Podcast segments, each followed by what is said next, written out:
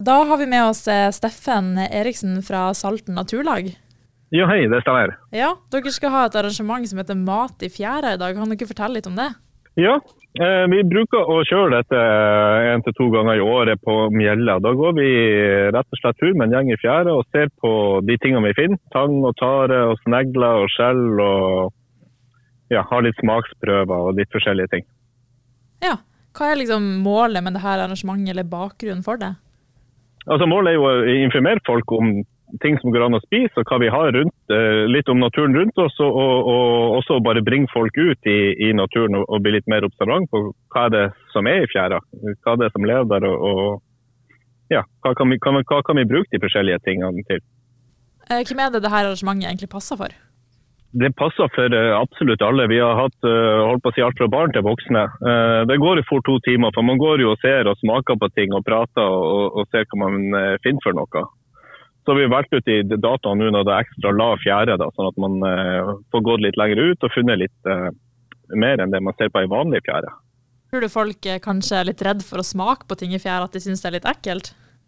Ja, det vet jeg jo at de er. Ja. Mm, spesielt av og til så har vi jo eh, hatt bål og så har vi varma opp og så har vi laga sneglesuppe. For du finner jo sånne små purpursnegler, sånne småsnegler som du finner i fjæra som vi har kokt i hvitløk eh, og, og, og laga suppe og litt forskjellig av. Eh, det er mange som griner på nesen, men når de smaker det, så er det jo det kjempegodt. Og i Frankrike er det jo delikatesse. sånn at det handler jo bare litt om hva man er vant til. Men så er det å introdusere folk for litt nye ting, og kanskje åpne øynene og gi litt ny kunnskap om hva, hva, som, hva vi har rundt oss. Um, Bring folk til naturen. Ja, ikke sant. Hvis folk kommer på arrangementet, må de da smake på ting? Hvis man er redd?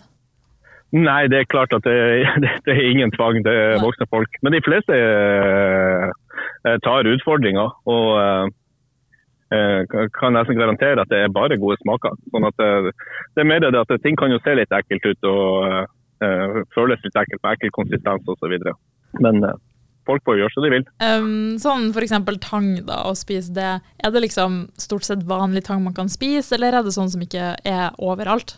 Det er veldig mye helt vanlig tang som man kan spise eller bruke til ting. Enten om man bruker det til å lage kraft, eller om man, noen andre typer kan man spise rå som de er. Altså både tare og tang. Ja. Um, så det, det, er sånn som man kan finne stort sett overalt vi er jo opptatt av at man ikke kanskje skal sanke så mye ut av det på, som vi finner på Mjelle, fordi det er jo bare én plass. Og, vi har kurs en gang i året, som sagt, så hvis alle plukker, så blir det jo fort tomt. Det er jo litt som en bærekraftig høsting, at man ikke tømmer det. Mm. Men det er veldig mye av det som de fleste kjenner til, som kanskje de ikke vet navnet på. Om det er grisetang eller om det er fingertare osv. Så, videre. så er jo det noe som vokser langs hele norskekysten. Og så ser vi på litt mer spesielle ting også. Ja, Så artig. Og så helt til slutt, eh, hvorfor skal folk komme på det her? Fordi det blir en eh, veldig hyggelig tur med flinke folk.